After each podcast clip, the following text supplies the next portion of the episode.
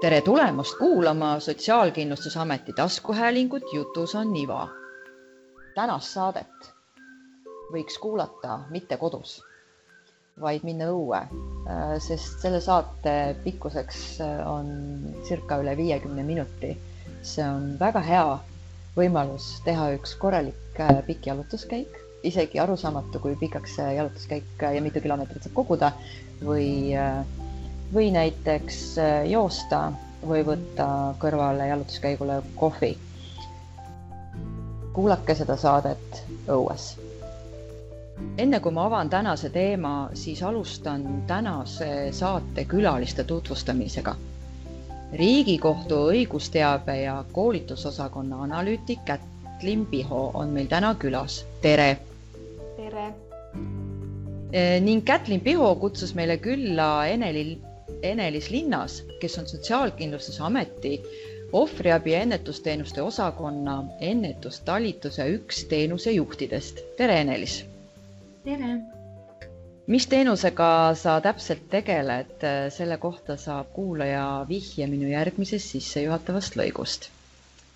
kinnise lasteasutuse teenus loodi esimesel jaanuaril kaks tuhat kaheksateist alaealiste mõjutusvahendite seadus tunnistas kehtetuks ja alaealiste komisjonid kaotati. selle suurem eesmärk oli toetada paindlikumalt abi vajavaid lapsi, ka neid, kes ei ole õigusrikkumisi toime pannud. kinnise lasteasutuse teenus ehk lühidalt klatt on mõeldud viimase abinõuna lastele, kelle käitumine ohustab tõsiselt lapse enda elu, tervist ja arengut või teiste isikute elu või tervist. Enelis, teema, millega sina ja sinu meeskond ning kolleegid tegelete, on väga tundlik. ja eriti minule jäi kummitama selline sõna, nagu oleks tegemist äh, nii-öelda viimase abinõuga. Enelis, räägi meile lähemalt, mis on klati sisu ja aitäh sulle sellise sissejuhatuse eest. Et äh, kinnise lasteasutuse teenuse näol on siis tegemist tõesti sellise ajutise ööpäevaringselt tuge ja turvalisust äh, pakkuva asutusega noortele, kelle käitumine siis tõesti seab hästi tugevalt ohtu kas nende enda või teiste elu ja tervist. ja seetõttu ongi siis vajadus tegelikult nende ühte väga tugevat põhiõigust äh, ehk õigust vabadusele piirata. Ja nagu sa ütlesid, et kinnine lasteasutus on siis sobiv juhul, need varasemad abimeetmed, mis on lapsele ja perele pakutud, mis ei ole vabadust piiravad, on, neid on proovitud, need on olnud lapsele asjakohased ja need pole andnud tulemust. ja nii-öelda, kui laps siis mitte klatti suunata, järgneks tegelikult lapsele palju suurem kahju kui me räägime sellest käitumisest, äh, mis siis kas teiste elu või nende enda elu ja tervist äh, kahjustab, on siis ühelt poolt näiteks selline hästi pikaajaline enda vastu suunatud vägivald, kas siis ma ei tea, lõikumised, suitsiidikatsed äh, või siis vägivaldsus teiste inimeste või vara suhtes. Mm, samamoodi ka nii-öelda vargusepisoodid ja paljuski selline seksuaalne riskikäitumine ja, ja pidev nii-öelda koju või asenduskodusse mitte ilmumine. ja oluline on siinkohal ka see, et äh, need ei ole mingid ühekordsed episoodid, et ühe korra laps näiteks varastas ja nüüd äh, me peame ta suunama kinnisse asutusse. vaid äh, hästi asjakohane on siinkohal vaadata, kui pikalt see tegevus on kestnud, ehk siis see peab olema ikkagi pikalt kestnud. tihtipeale need erinevad käitumismustrid esinevad koos ja oluline on siis vaadata ka seda pikemat äh, ajaraamistikku, et kui tõenäoline on see, et selline käitumine ka jätkub. Äh, sellist, sellistel puhkudel siis tegelikult äh, selline kinnine asutus on asjakohane. aga oluline on ka rõhutada seda, millest alati kõik võib-olla täna aru ei saa, on see, et, et see käitumine, miks lapsed nii teevad, on tegelikult sümptom ja mehhanism siis äh, toime tulla selle valu ja hirmu ja murega, mis neil sees on, et need lapsed äh, tihtipeale tegelikult kuidagi ei oska toime tulla äh, erinevate oludega enda ümber ja tegelikult ka endaga. ja, ja see on, see tuleneb siis tegelikult nende varasematest traumakogemustest. kui me võtame näiteks noore, kes ma ei tea, ärandab autosid, ei ilmu koju, magab kuskil külmas kuuris, käitub vägivaldselt nii-öelda teiste inimeste suhtes siis kui ta nii-öelda varasem elu on olnud selline, et tema vanemad ei ole temaga väga tegelenud, ei ole emotsionaalset suhet olnud, äh, on olnud temaga vägivaldsed, siis äh, on nüüd tegelikult täiesti arusaadav, et äh, kuskil hakkab see nii-öelda temas välja tulema, see kõik, mis ta on elu jooksul kogenud. Et, et ta tunnebki hirmu ja ta tunneb valu ja, ja kohati jääb nii-öelda teistele inimestele mulje, et sellel noorel puudub võib-olla, ma ei tea, piisavalt empaatiat või, või heatahtlikkust teiste suhtes. aga tegelikult äh, see ongi nii-öelda see sisemine, sisemine mittepositiivne põlemine, mis äh, paneb teda nii käituma. ja, ja kinnises lasteasutuses proovitakse tal aidata siis äh, nende oludega enda ja teiste ümber paremini toime tulla. Jah, Ene-Liis, ka sinu jutust kostub läbi see mõte, et et äh, need noored saavad hästi kiirelt endale ainult ühe sildi külge, et nad on selles mõttes nagu pahad lapsed ja me ei näe nendes lastes tegelikult mitte midagi head ja, ja nad ongi nagu kogu aeg sellised olnud ja sa nii kenasti tõid välja, et, et, et see on juba nii-öelda mingisuguste episoodide ja paljude episoodide tagajärjed. ja nüüd ma mõtlen, et, et selles hetkes võib-olla, kus sa kõige rohkem vajad võib-olla oma lähedasi, siis appi tulevad hoopiski tegelikult äh, suhteliselt võõrad inimesed. Ähm, kuidas, ähm, ma, ma, ma tean, et äh, mida, mida ma näen palju kontoris, et teie meeskond, kaasa arvatud sina, äh, teete tohutult palju telefonikõnesid, räägite, räägite, räägite. et ähm, missugune vastupanu on ka noorel näiteks sellel hetkel, kui ma ei tea, kas teda on terendamas äh, kinnisesse lasteasutusse paigutamine, kas see on talle pigem ikkagi nagu tema jaoks sel hetkel karistus või, või on see, see nii-öelda viimane abinõu ja, ja tegelikult võimalus äh, mitte sattuda kuhugile äh, edasi? ütleme nii, et meil on väga erinevaid kogemusi Äh, kui me räägime nii-öelda nendest lastest, kes äh, varasemalt ei ole kinnises lasteasutuses olnud, siis nende jaoks on ikkagi väga hirmutav. Äh, tihtipeale nii-öelda vanast ajast on meil ju, ju teadmine ka erikoolidest ja nendel erikoolidel ei olnud väga hea maine. Õnneks on see kontseptsioon täna paljuski muutunud. me tõesti ei räägi enam karistamisest, vaid pakume lastele nii-öelda turvalisust ja, ja võimalusi arenguks aga noored äh, paljuski seda ei tea. Ehk siis äh, meil on juhtumeid, kui äh, lapsega ikkagi nagu enne seda menetlusprotsessi räägitakse, et sul on täna valikud laua peal. sul on valik see, et kas me toetame sind ja sa proovid nii-öelda oma kogukonnas hakkama saada. siinkohal on hästi oluline just see täiskasvanute tugi, et me ei paneks seda vastutust lapsele, et tema peab üksi hakkama saama, üksi käima, ma ei tea, erinevate spetsialistide juures koolis Ähm, või siis äh, me ei saa sind täna teistmoodi aidata, kui suunata sellisesse asutusse. kui me räägime lastest, kes on täna kinnises äh, lasteasutuses juba olnud, siis äh, me oleme näinud ja kogenud seda, et kui nad on aasta aega olnud ikkagi struktureeritud ja, ja turvalises keskkonnas, kus neil on pidevalt ümber täiskasvanud, kes ehitavad nendega üles usalduslikku suhet aitavad neil areneda, proovivad läheneda hästi individuaalselt ja pakkuda sellist eda, eduelamust, mida neil varem pole olnud, siis äh, paljud lapsed tegelikult äh, tahavad tagasi minna. aga see on nii-öelda täna meil üks äh, suur süsteemiauk, mida me üritame parandada, et, et kui lapsed siis klatist väljuvad, oleks selline toetatud järk-järguline üleminek nii-öelda tagasi oma kogukonda, et mitte see ei oleks selline järsk Ene-Liis, sa rääkisid äh, praegu sellest, kuidas ähm, klati joovad lapsed läbi SKA. kas on veel mingisuguseid võimalusi, kuidas noored võivad klatti jõuda või tulla?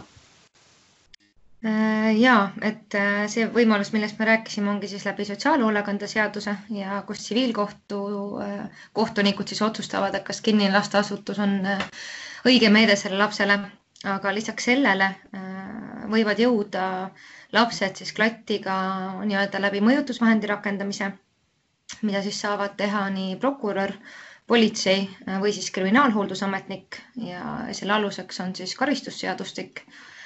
Ja tegelikult on ka kolmas võimalus, ehk siis äh, meil on võimalus ka täna taotleda kinnist lasteasutust äh, vahistamise asendamiseks. Ehk et lapsed ei läheks siis äh, kinnipidamisasutusse, vaid äh, asendatakse see kinnise lasteasutusega. ja seda saab siis teha prokurör äh,, toetudes siis kriminaalmenetluse seadustikule ma nüüd küsin täpsustavalt veel ikkagi üle, et kas see tähendab, et ikkagi kõik need lood käivad läbi SKA nii või naa või need on kuidagi eraldiseisvad lood, millest näiteks noh, sina ja sinu meeskond ei tea? Mm, ütleme nii, et ajaga on asjad aina paremaks läinud, et me aina rohkem teame nendest lugudest ja me rõhutame nendele erinevatele taotlejatele, et nad võtaksid meiega ühendust ja me koos ikkagi vaataks enne läbi, äh, kui räägitakse üldse klatist ja mis puudutab just prokuröre, politseid ja kriminaalhooldusametnikke, siis nad tõesti aina enam pöörduvad meie poole enne, kui nad alles mõtlevad, et okei okay,, seda last võikski nii lasteasutus aidata. kus me vähem vahele jõuame ja ma arvan, et see on ka väga arusaadav, on see, et äh, kui hakatakse noort vahistama, et äh, asjad on läinud juba nii kaugele, siis äh, see info tuleb meil tõesti suht viimasel hetkel.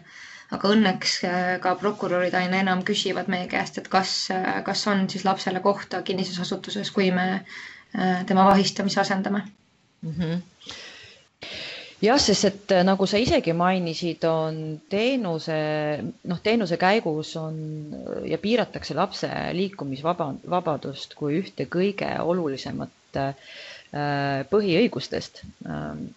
Ja siinkohal, Kätlin, ma pöördun nii sinu kui ka Ene-Liis sinu poole ka, et kahe tuhande kahekümnendal aastal valmis ähm, kinnise lasteasutusse paigutamise kohtupraktika analüüs. Ja muide, see on ka kõigile kättesaadav lugemiseks äh, ning vast kõige lihtsam on seda leida, kui kuulad meie saadet ja leiad äh, tutvustuse alt ka viitava lingi. Äh, Kätlin, kohus peab iga konkreetse lapse puhul võrdlema kahju mis leiab asu, mis leiab aset, kui last kinnisesse asutusse ei paigutata. Äkki sa räägid, et millised on need lapse kinnisesse lasteasutusse paigutamise eeldused? jah, et äh, mina koostasin äh, eelmisel aastal kohtupraktika analüüsi, mis on kõigile kättesaadav ka Riigikohtu kodulehelt vaatasin äh, kokku sada seitse tsiviilasja seisuga esimene oktoober kaks tuhat kakskümmend. kui nüüd natukene laiemalt rääkida üldse sellisest äh, klati teenusele paigutamise seaduslikust alusest, siis iseenesest seadus näeb ette, et on kaks alust, mille esinemisel saab lapse üldse kinnisesse lasteasutusse paigutada. Ehk siis juba esimene on siin, millest me oleme juba varasemalt siin rääkinud, on ohtlikkus ehk siis äh, lapse käitumine seab ohtu nii tema enda elu, tervise või arengu või teiste isikute elu või tervise. ja et seda ohtu ei ole võimalik kõrvaldada ühegi vähem piirava meetmega. ehk siis see ongi just see, et see on kõige viimane meede. nüüd äh, Riigikohtu praktikat äh, klati teenuse osas väga palju ei ole. on üks lahend Mm, juba paar aastat vana lahend, mis siis natukene selgitab seda, et kuidas kohus peab hindama seda ohtlikkust. ja Riigikohus on rõhutanud, et seda ohtlikkust ei tohi, esiteks ei tohi hinnata seda abstraktselt, vaid tuleb võtta aluseks just reaalsed asjaolud, mis näitavad, et kui pika aja jooksul ja millise sagedusega on lapse käitumine olnud probleemne ning kuidas see väljendab ohtu tema enda elule, tervisele, arengule või siis teiste isikute elule või tervisele, arengule. Siis äh, ohtlikkust tuleb kindlasti määruses põhjendada. ei piisa ainult sellest, et kui määruse põhjendustes refereerida avalduse sisu ja leida, et sellega ongi ohtlikkus tõendatud. näiteks ei piisa sellest, et äh, kirjutada lihtsalt, et, äh, et kohus leiab, et avaldusele ja sellele lisatud materjalidega on tõendamist leidnud, et alaealise käitumine on ohtlik. Vaid sellisele just sõnastusele peabki järgnema kohtu põhjendus, et miks just kohus leiab, et selline konkreetne käitumine põhjustab ohtu ja et miks see on just selline oht, mis tingib lapse kinnisesse lasteasutusse paigutamise. et igal juhul peaks äh, kohtumäärusest nähtuma kohtuniku objektiivselt kujunenud siseveendumus. ja alati tuleb äh, ka määruses äh, põhjendada ja hinnata seda, millised võiksid olla tagajärjed selle konkreetse lapse jaoks, kui teda kinnisesse lasteasutusse ei paigutata kinnisesse lasteasutuse paigutamine on ju alati eelkõige põhjendatud ju siis, kui paigutamata jätmisega kaasneks suurem kahju. ehk siis kohus peab ka hindama ja analüüsima seda, milline oleks siis see kahju, kui ta sellele teenusele ei paigutataks. aga iseenesest see ei tähenda, et alati kõik avaldused, mis kohtule esitatakse, rahuldatakse. Et analüüsi käigus äh, leid-, leidsin ka selliseid menetlusi, kus äh, kohus jättis avalduse rahuldamata, kus need alused ei olnud täidetud. et lihtsalt statistika mõttes võin öelda, et, äh, et selliseid asju oli kokku kaksteist menetlust, kus siis kuuel, kuuel juhul jättis kohus äh, rahuldamata avalduse juba kinnisesse lasteasutusse paigutada ja siis kuuel juhul jättis rahuldamata avalduse pikendada aga mis on just kõige olulisem, ongi see, et iga menetlust ja iga last vaadatakse eraldi et ei saa teha selliseid üldistusi, et äh, mingisugune konkreetne käitumine igal juhul äh, peaks olema selline, mis äh, tingib lapse kinnisesse asutusse paigutamist, vaid just, et kõiki asjaolusid võetakse arvesse kogumis ja et kohtumäärused oleksid ka selles osas põhjendatud. Mis nüüd puudutab natuke seda, et, et, et laps tegelikult selles menetluses või kogu selles protsessis on, tema käitumine on äh, mingisugune tagajärg. et selles osas ma võin öelda, et mul oli väga hea meel lugeda selliseid määruseid, kus äh, äh, ei olnud kirjeldatud ainult äh, lapse kahe, ütleme viimase aasta käitumist, vaid et tegelikult oli kohus toonud välja lapse juba väiksest peale nagu tema elu kuidas võib-olla ta, millest nagu oligi näha, et tegelikult ta on jäänud ilma, kas siis sellisest vanemlikust toest, tal ei olnud, ei olnud sellist turvalist keskkonda. et äh, see tegelikult annab väga hea pildi sellest, et miks äh, on see olukord täna selline, nagu ta on. Et äh, miks on see laps selliste probleemidega ja miks on just praegu vaja nagu sellist menetlust püsti panna ja, ja sellist meedet tema suhtes kohaldada. et paraku on tõsi see jah, et päris paljudel juhtudel oli näha, et selline mm, pere tugi ja hea keskkond äh, nendel lastel puudub. Ja ka äh, Sotsiaalkindlustusamet ise on toonud vist statistikas välja, et kuskil äh, kolmkümmend kaks protsenti või midagi sellist on need lapsed, kes tulevad üldse asendushoolduselt et äh, see on kindlasti üks väga suur äh, murekoht, et, äh, et need lapsed seal teenusel viibides saavad kindlasti paremas keskkonnas olla, aga et kui see teenus lõpeb, et mis siis nendest edasi saab? Oh, te mõlemad olete nüüd avanud minu jaoks siin, ma ütleks niimoodi, küsimuste laviini, et kuulajatele nii palju teadmiseks, et tegelikult ka mõned küsimused tulevad ette ära, et et saates osalejad saaksid kindlasti vastata nendele teemadele, mida, mis nendel nagu endal väga hingel on ja mida nad tahavad sõnumini edastada, aga, aga ma nüüd kaldun kõrvale ja küsin teie mõlema käest sedaviisi. et mis on need tagajärjed, mm, kui otsus tehakse kinnise lasteasutuse kasuks selle noore puhul või kahjuks. ma ei tea, äkki Ene-Liis, sina näed seda ühte osa nagu praktikast. Äh, tood to,, saad sa tuua neid näiteid? Hmm, vastaks äh, sellest perspektiivist, et äh, mis meie praktika on ka näidanud, et kõige, ma ei tea, keerulisem, ma arvan, laste jaoks on see, et kui nad on näiteks viimasel hetkel, noh näiteks see keskmine menetlus tsiviilkohtus võtab aega, oli see äkki viiskümmend neli päeva, kui ma ei eksi. ja selle aja jooksul tegelikult võib päris palju muutuda ja laps võib võtta oma nii-öelda ennast kokku, ma ei tea, hakkab koolis käima, ei suhtle võib-olla enam sellise sõprusringkonnaga, kellega pandi toime erinevaid tegusid. aga näiteks kohtusse see info ei jõua.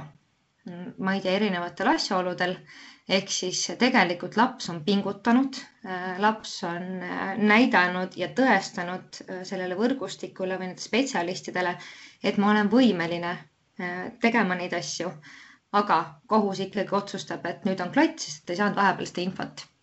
Ja noh, mõelge, millise signaali see annab ühele noorele, et, et tegelikult, et temasse ei usuta, need täiskasvanud teevad niikuinii, mis nad tahavad. Nad ei kuula meid, kõik on linnukese pärast ja mis mõttega ma üldse ka edaspidi elus pingutan, kuid ei näinud seda, et ma päriselt ennast kokku võtsin. Et selles mõttes on hästi oluline panna kõikidele südamele, nii nendele, kes nii-öelda taotlevad klatti, kui ka kohtunikele, et saada päriselt see kõige-kõige viimasem info. kohus küll alati äh, nii-öelda äh, suhtleb lapsega ja kohtub lapsega, kuulab lapse üle. aga noh, mõnikord need muutused võivad tekkida ka väga-väga lühikese ajaga, sest noh, viimasel hetkel laps ütleb, okei okay,, ma nüüd võtan ennast kätte, sellepärast et muidu ma päriselt peangi sinna kinnisse lasteasutusse minema et see on hästi oluline, et me nagu tervel sellel perioodil hoiaks hästi tugevalt ikkagi näppu pulsil, et, et kuidas see laps käitub ja mis ta teeb. aga sellisel juhul ma küsin siis siit edasi, et sa juba natuke ka vihjasid, et, et kui sujuv on see paigutamise protsess, otsustamiste äh, protsess tegelikult ametiasutuste endi vahel täna, et äkki te mõlemad nagu Kätlin ja Enelis seda osapoolt nagu ühest ja teisest asutusest äh, näiteks äh, kirjeldate või unistate, kui hea see võiks olla?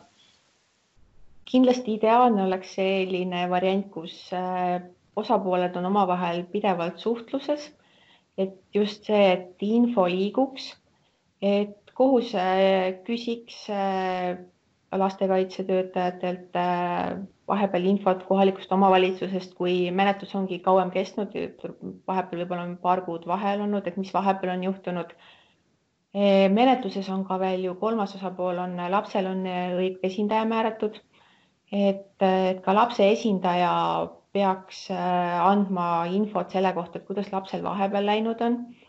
et õnneks ka selliseid juhtumeid ma analüüsi käigus nägin, kus vahepeal siis kui lapsel oli mingi mure, oli näha, et ta oli suhelnud esindajaga, esindaja oli teda nõustanud rääkinud temaga, et see ei olnud ainult see, et esindaja kohtub ühe korra lapsega ja selgitab välja tema arvamuse, vaid et pigem see esindaja oli selle pere juures ka natuke nagu pikemat aega. et sellised, äh, see võiks olla nagu selline ideaalne lahendus, et, et tõesti see laps tunneb, et nüüd on olemas täiskasvanud, kes tegelikult tegutsevad tema parimates huvides ja et püüda talle nagu läbi selle protsessi rohkem nagu selgitada, et see kõik, mis toimub, on tegelikult äh, tema huvides. et see ei olegi see meede, mis on nagu mõeldud tema karistamiseks või isoleerimiseks ühiskonnast, vaid et nüüd ongi lõpuks käes see aeg, kus äh, kogu see meeskond töötab tema heaks, et see oleks selline ideaalne vaade, et, et et kuidas seda nagu äh, saavutada, eks see võimekus on erinev, et äh, omavalitsustes on erinev võimekus, on meil erinevad äh, esindajad, et äh, eks see ole selline murekoht, aga samas kindlasti nagu eesmärk, mille poole püüelda. mulle väga meeldib, Kätlin, mis sa ütlesid just seda, et et inimesed tulevad kokku ja, ja proovivadki lapse parimates huvides otsuseid teha.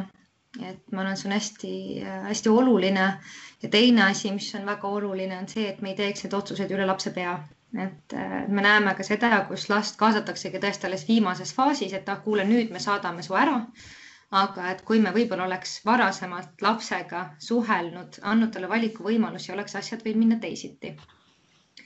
Äh, mis puudutab äh, seda tsiviilmenetlust, siis äh, jah, tõesti, see oli see viiskümmend neli päeva siis kohalik omavalitsus on täna ainus, kes siis saab taotleda kinnist lasteasutust läbi tsiviilmenetluse, siis see taotlus läheb siis meie Sotsiaalkindlustusameti lastekaitseosakonda, kellel on omakorda aega veel kolmkümmend päeva arvamust avaldada ehk siis nemad ka töötavad selle nii-öelda loo läbi äh, ja avaldavad siis arvamust, et kas nemad leiavad, et klatt on sobiv meede või mitte.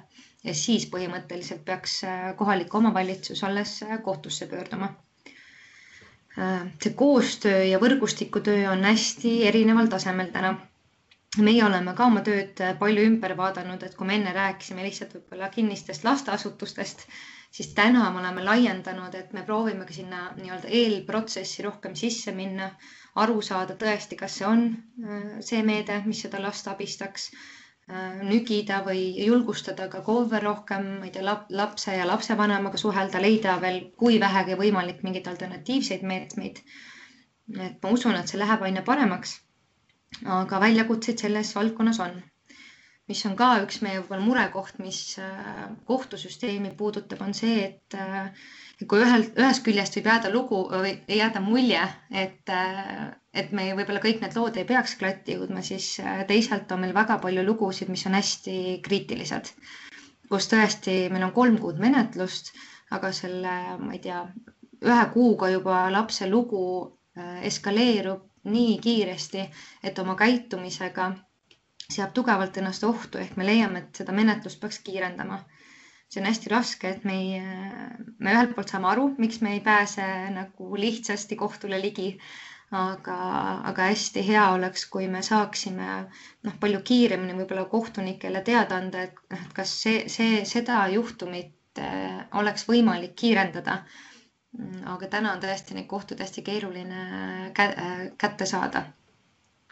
Ma ise noppisin teie mõlema, mõlema äh, jutust välja sellised äh, nii lihtsad ja tavapärased asjad, et kui me tegeleme noortega, siis see peaks olema täiesti loomulik, et see noor on pidevalt kaasatud protsessi ja ta tunneks äh, seda tunnet, et kui nüüd tänaseni ta ongi olnud puntras iseendaga, oma eluga, siis äh, need täiskasvanud, kes on tema ümber, äh, on see tema meeskond. meeskond, äh, kes aitab tal siis selles olukorras noh, sellest olukorrast kas välja tulla või siis mis need variandid on. ehk see noore päris kaasamine ja teine, mis on jällegi üks hästi huvitav asi, mille, mille, mille, millest me ka tihti räägime, on see suhtlemisoskus et omavahel suhelda, suhelda, suhelda, et me kasutame selleks sõna palju koostöö, koostöö. Ähm, et noh, siin jääb nagu mõelda, et äh, miks see koostöö ikka on äh, nii väljakutseid esitav. Kätlin, äh, sa oled teinud väga kasuliku analüüsi ja selle pinnalt on ikkagi väga hea edasi minna või, või vaadata, et mis siis üldse Ähm, toimub. Mm, ma tahaks tulla tagasi ühele sinu, äh, sinu ka juba jutus läbi käinud teemale, et selline lapse ärakuulamine. Mm, oskad sa tuua neid äh, praktikas äh, näiteid, et kuidas, kuidas on praktikas siis toimunud lapse ärakuulamine ja mis mis on need ärakuulamise kõige olulisemad aspektid et äh, lapse isiklik ärakuulamine on üks nendest menetluslikest garantiidest, mis äh, on seaduses sätestatud ja millest tegelikult selles menetluses kuidagi mööda minna ei tohiks. Analüüsis õnneks pilt oli väga hea, et lapsed enamasti olid kohtuniku poolt isiklikult ära kuulatud. Ja et tuli ka välja see, et, et see ärakuulamine ei pea tähendama alati seda, et laps kuhtub, kutsutakse kohtusse, tehakse kas siis kohtuistung või lihtsalt äh, kohtus ärakuulamine, vaid et äh, tihtipeale ikkagi kohtunik äh, kuulas lapse ära tema harilikus viibimiskohas ehk siis, et kas kodus, kas koolis, kui laps oli näiteks haiglas. et selleks jah, ei pea pigem ei ole see formaalne selline kohtuistungi pidamine võib-olla sellisel juhul nagu kõige mõistlikum äh, võimalus. Äh, mis natuke nüüd, mis juriidilist poolt puudutab, et siis äh, on selline et äh, see ärakuulamine peaks olema isiklik. Äh, see nüüd, Riigikohus ei ole veel selles osas nagu mingisugust suunist andnud, aga et meil on olemas tsiviilkohtumenetluse seadustiku kommentaarid ja sealt iseenesest tuleneb see, et see isiklik ärakuulamine peaks tegelikult välistama selle, et, et selle lapse kuulab ära nüüd teine kohtunik, kes ütleme, asub temale lähemal, ehk siis erinõude ärakuulamine peaks olema isikliku ärakuulamise puhul pigem nagu välistatud. Samas nüüd analüüsist tuli välja, et ikkagi neid juhtumeid, kus kuulati ära erinõude korras, oli täitsa mitu tükki. välja tulid ka mõned sellised asjad, kus kohus kuulas lapse näiteks ära telefoni teel et see nüüd ka on selline küllaltki vaieldav, et pigem ikkagi äh, oleks tarvis sellist äh, isiklikku suhtlust, et telefoni teel nüüd ärakuulamine, noh, see paraku nagu ei ole võib-olla selline, mis on nagu mõeldud selle isikliku ärakuulamise all. et paraku meil nüüd eriolukorra ajal äh, see muutis nagu noh, menetluses nii mõndagi ja see oli ka näha, et, et just eriolukorra ajal kuulati ära videosilla vahendusel et see, mismoodi üldse kinnisesse asutusse paigutamise menetlustes ärakuulamine toimub, et selles osas võib-olla äh, ka mingi hetk Riigikohus äh, ütleb midagi äh, enamat ja selgitab, aga et hetkel jah, praegu meil veel ei ole olemas sellist suuniseid ka kohtutel tegelikult, et mismoodi nagu on need menetlusnormid ja kõik menetlusreeglid järgitud, et kuidas see ärakuulamine peab toimuma et jah, et seadus nõuab, et kohus nagu korra ära kuulaks lapse. et samas, kui need menetlused mingil põhjusel venivad või et see aeg on nagu väga pikk, et tegelikult siis võib olla nagu oluline see, et mis hetkel on see kohus selle lapse ära kuulanud, et et kas seal menetluse alguses pigem, kui tal on veel väga suured võib-olla probleemid, et võib-olla ta vahepeal on saanud mingit abi et võib-olla see hilisem ärakuulamine annaks jälle nagu teistsuguse pildi, et, et selles osas on nagu mul ka praegu siin keeruline mingisuguseid soovitusi anda, et et eks see ole selline väga individuaalne menetlus, et kõikide asjade ja eripäradega tuleb arvestada.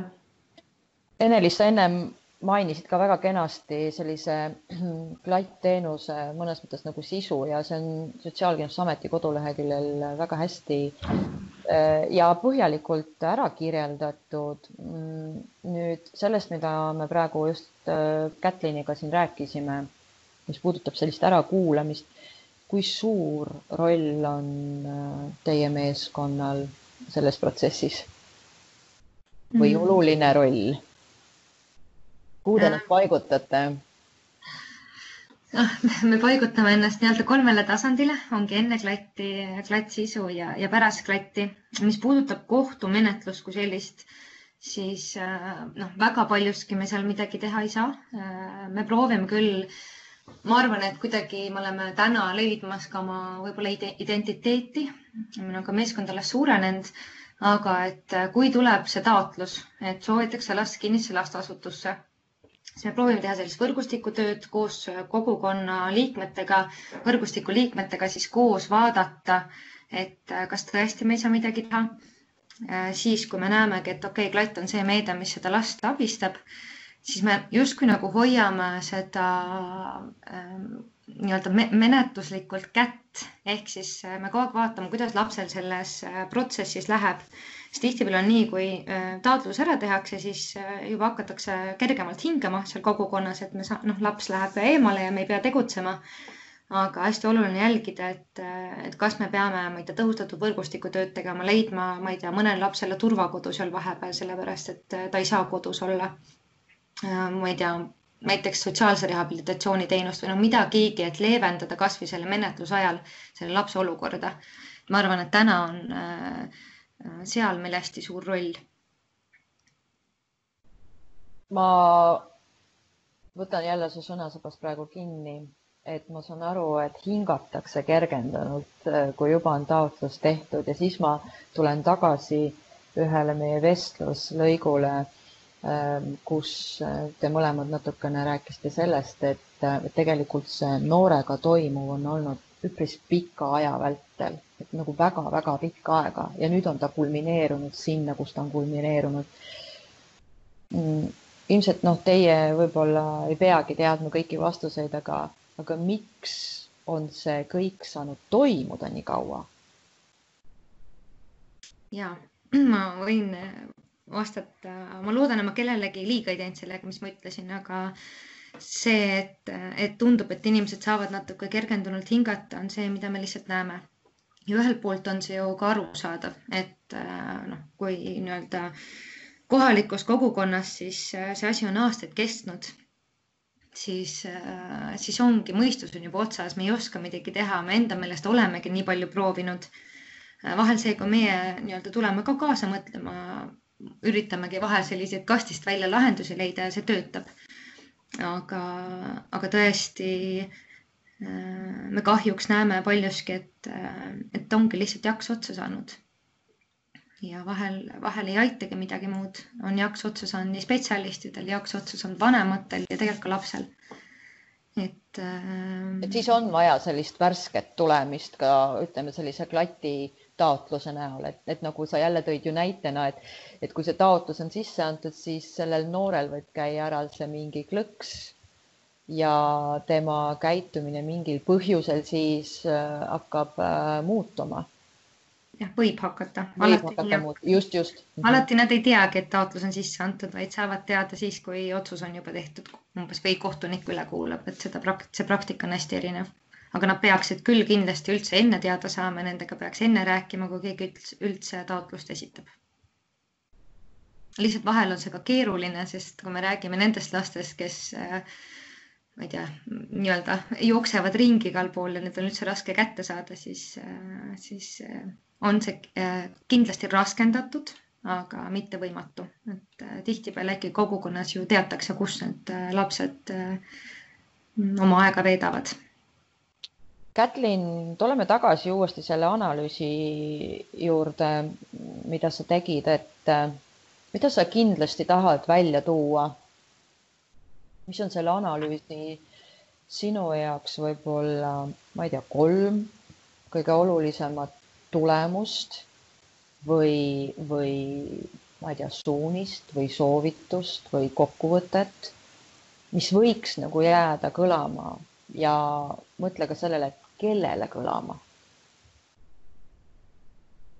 ma saan aru, tähendab, ma nüüd ennem kui sa hakkad äh, ütlema siis või rääkima, siis ma kuulaja ütlen, et me teeme seda Skype'i teel ja, ja selle peale, kui ma nüüd küsin sellise küsimuse, Kätlin hakkas äh, kohe oma kukalt niimoodi äh, paitama, et, et kas see oli nüüd liiga raske küsimus või, või väljakutset esitav, aga aga ma arvan, et sa võiksid selle välja tuua, kuna sa oled selle analüüsiga väga põhjalikult tegelenud.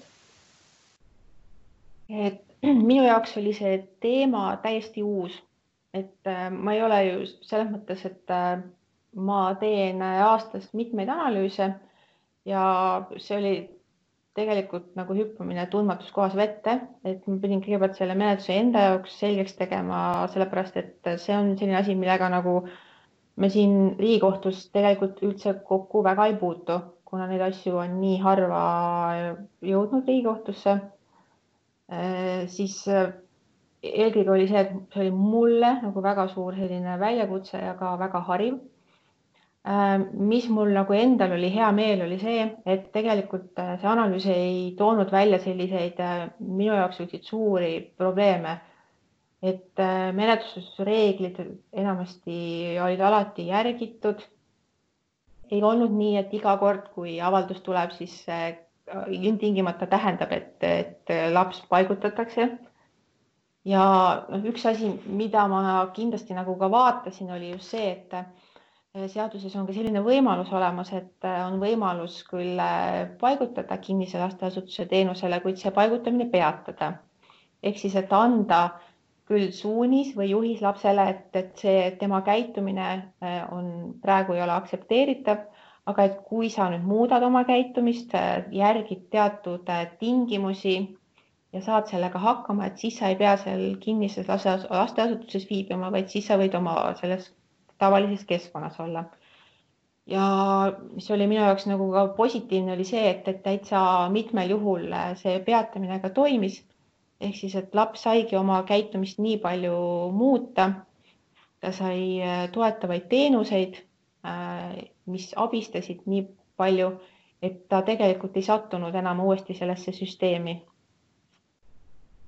et see on ka kindlasti üks asi, mida ma tegelikult tahaksin rõhutada, on see, et, et, et kohtunikud ka iga kord, kui see menetlus on nende laual ja, ja on selline, võib tekkida sisetunne, et, et kas ikka seekord on see olukord nagu nii hull, et võib-olla siis proovida ja katsetada seda kinnisesse lasteasutuse peatamist nüüd, kui tulla tagasi selle ühe probleemi juurde, et, et mida siis teha, kui on tõesti näha, et, et äh, reageerida oleks väga kiiresti vaja. et, äh, et siis ma ütleme analüüsis nägin ka sellist äh, ühte, vähemalt ühte sellist menetlust, kus siis tõesti kohtule oli antud teada, et, tegelikult seda otsust oleks vaja väga kiiresti, et oli oht, et laps pääseb ravilt välja ja ta võib lihtsalt ära kaduda et, et, et seda ja sellisel juhul ka kohus otsustas ja ka selle menetluse väga kiiresti tegi. et eks see igal juhul on selline, selline kaalumiskoht, et kuna siin menetluses on teatud reeglid, mida tuleb järgida, et siis see ei saa olla nagu alati väga selline kiire menetlus. ja, ja seadusandja on ka ette näinud siis sellise juhu, et, et siin ei saa esialgset õiguskaitset taotleda nagu äh, psüühikahäirega täiskasvanute või psüühikahäirekate isikute kinnisesse asutusse paigutamise menetluses. et äh, mida ma nüüd veel rõhutaksin, on äkki see, et, et kui tõesti on näha, et see oht lapse just elule ja tervisele on väga suur, et just see enesevigastamise või äh, suitsiidikatsed, et siis sellisel juhul tegelikult saab alati taotleda ka ravile paigutamist ehk siis tahtest olematul ravile paigutamist et see on nüüd teine menetlus, et seda ei saa nagu klati raames, vaid et siis tuleb eraldi menetlus algatada psühhiaatrilise abi seaduse alusel. aga et see on ka üks võimalus, mida siis äh, võiksid teavitada ka siis äh, kohalikud omavalitsused, et kui nad näevad, et tõesti see oht on nii suur, et siis pigem äh, oleks võib-olla kõigepealt vaja selle lapsega tegeleda tervishoiusüsteemis ja siis hiljem edasi siis rahulikult äh, selles klati menetluses äh, leida talle siis äh, sobiv meede. Kätlin, kui sa tegid seda analüüsi, siis kas sul tekkis vahepeal selline kiusatus, et päriselt ka võib-olla mõne looga olla nii-öelda reaalses kokkupuutes, noh, näha, kuidas see noore kulgemine käib ja noh, ma tahan viidata siin sellisele praktikale, et, et ollagi kuidagi seal nende asjade päris sees? no mul ikkagi tekkis see päris paljudel juhtudel see tunne, et tegelikult ma tahaksin teada, et mis neist on edasi saanud, et noh, see, kui see menetlus ära lõpeb, siis äh, ja kui noh, seda pikendamist ei ole enam taotletud, et siis noh, siis ma alati nagu mõtlesin, et, et nüüd on kindlasti väga hästi läinud. Et ma ikkagi hakkasin neile nagu väga kaasa elama ja et noh, mõnedel oleks küll tahtnud nagu lihtsalt äh, minna ja öelda, et tegelikult sa oled nagu hullult tubli, et sa oled äh, oma elus nii palju üle elanud ja et sa oled äh, tegelikult väga tugev ja tubli. et võib-olla mina ei oleks nii tugev ja tubli. aga just see jah, et, et noh, ma selle analüüsi käigus ju seda tegelikult ju, et mis nagu edasi saab, noh, seda enam ei tea, et see läheb juba väljapoole siis sellest kohtumenetlusest Äh, vot Kätlin, kui sul peaks need mõtted veel pähe tulema, siis meil on ohvriabis olemas vabatahtlikute programm, et mõtle selle peale, äkki liitudki ja, ja saad teha nagu häid asju veel juurde, mida sa juba oled teinud. Kätlin, ühe hästi olulise küsimuse on, küsimus on vaja ära ka küsida. Et kui palju on kohtud kohaldanud kinnisesse lasteasutusse paigutamise peatamist. milliseid tingimusi on seatud ja milline tulemus on peatamistel? et analüüsist tuli välja, et äh, mina leidsin kokku üksteist äh, tsiviilasja, kus oli äh, paigutamine peatatud. Ähm, hea meel oli tõdeda, et päris palju neist paigutamistest jäi siis pidama siis kui äh, seatakse tingimused ja laps neid tingimusi rikub, siis äh, peab kohus äh, või kohtul on võimalus tühistada paigutamine. mis nüüd on nüüd oluline selle menetluse juures, on see, et need tingimused, mis lapsele seatakse, oleksid tegelikult eelnevalt lapsega läbi arutatud ja need peaksid olema sellised reaalsed tingimused, mida on võimalik ka lapsel täita. et paraku nägin ka mõnda sellist paigutamise määrust, kus lapsele oli seatud kakskümmend kaks üle kahekümne tingimuse. et kui ma neid tingimusi loen ja noh, võrdlen kasvõi enda sama vana last, siis noh, see on võimatu, ka tema ei täida neid tingimusi kõiki. Et sellisel asjal tegelikult ei ole mõtet, et need tingimused peaksid olema reaalsed, need peaksid olema võimalikult selged, äh, lühidalt äh, ja kirja pandud ja samas, samuti peaksid olema sellised tingimused, mille siis nagu rikkumist on võimalik et seda on võimalik ka hiljem nagu siis äh, vaadata, et, kas seda tingimust üldse kas selle täitmist on võimalik kontrollida. Et see on kindlasti üks selline oluline asi, mida peaks alati siis äh, kaaluma, kui kaalutakse peatamist. tingimuste seadmine ei ole kohustus, et see on kohtul võimalus, et võib ka täiesti peatada menetluse ilma ühegi tingimust seadmata, aga selliseid äh, lahendeid ei olnud ühtegi, aga et just see on selline võimalus, mis on kohtul olemas, aga et seda võimalust tuleks siis kindlasti kasutada mõistlikult ma olen väga nõus ja lisan siin, et, et see lapsega arutamine on hästi oluline. Ja hea oleks, kui tegelikult ka see pere ja kohalik omavalitsus oleks ka kaasatud sellesse arutamisprotsessi, et ma ei tea, kui me räägime, et laps peab käima psühholoogi juures, on ju, siis näiteks ma ei tea, kas kohalik omavalitsus toetab, aitab selle psühholoogi leida, kui näiteks perel seda võimekust ei ole. et need on hästi olulised asjad, mis, mis koos äh, selle võrgustikuga läbi mõelda võib-olla noh, mõni, mõni näide ka, et äh, ei ole mõistlik panna lapsele, kellel ei ole kodus hea olla, näiteks ma ei tea, seal esineb palju vägivalda, et ei ole mõistlik seada tingimuseks, et ta peab kodus viibima või et, äh, et laps, kes väljendab, et ta on nikotiinist sõltuvuses et kas on mõistlik, äh, kui me räägime klattmenetlusest, panna üheks tingimuseks siis näiteks, ma ei tea, suitsetamise keeldu. et nagu ka Kätlin ütles, et mõistlikkuse printsiibist ikkagi lähtuda, et, et mis selle nii-öelda ohutuse sel hetkel ikkagi tegelikult tagab mul jäi veel painama üks selline küsimus ja võib-olla ma ei ole ainukene, et kas see kinnine lasteasutus on siis selline koht, kus see noor on kokku kakskümmend neli seitse? see on väga hea küsimus ja, ja ma olen sinuga väga nõus, et paljudel on see küsimus või, või nii-öelda see, ei ole seda arusaama. aga tõesti, et me ei, me ei ole kinnipidamisasutus, see, et meil on äh, teenuse nimetuseks täna kinnine lasteasutus, ei tähenda seda, et noor tegelikult kakskümmend neli seitse oleks lukustatud uste taga see tähendab pigem seda, et see meeskond, äh, kes äh, lapsega töötab, et neil on õigus äh, selle noore vabadust siis piirata erineval määral ja reguleerida. mis oleneb siis sellest, et kuidas noor kokkulepetest kinni peab, kuidas nii-öelda tema areng on olnud, sest sellised kodukülastused ma ei tea, väljasõidud, isegi vahel trennis käimised väljaspool asutust on hästi tavalised et, et noh, meie eesmärk ei olegi see, et me last kinni hoiaks, vaid see, et me nagu peaks piirama seda vabadust nii vähe kui võimalik ja nii palju kui vajalik, et äh, need eesmärgid siis saavutada. Nii et me saame kohe siin äh, ühe müüdi niimoodi kummutada, et äh, kui seda, kui see noor ongi siis nagu sa ütlesid, kodukülastusel, siis see on lihtsalt selline üks osa sellest äh, kin-, äh, laste nii-öelda kinnipidamisasutuse mm, tööst ja tegemistest. just, sest et äh, noh, peame arvestama, et me räägime ikkagi ajutisest teenusest, kuivõrd suunatakse lapsed kuni aastaks sinna. Et me peame kogu aeg tegelema ka sellega, et, et laps tuleks hästi toime ka selles kogukonnas, kuhu ta pärast asutust läheb. Enelis mm sinu käest tahaks äh, nii küsida, et, äh, et meie kuulaja saaks aru, et äh, kogu teie meeskond on praktikud. ja, ja kuidas te toime tulete nende lugudega, kus on tunne, et asjad ei liigu nii kiiresti teinekord või et see soovitud tulemus tuleb võib-olla nii, nii raskelt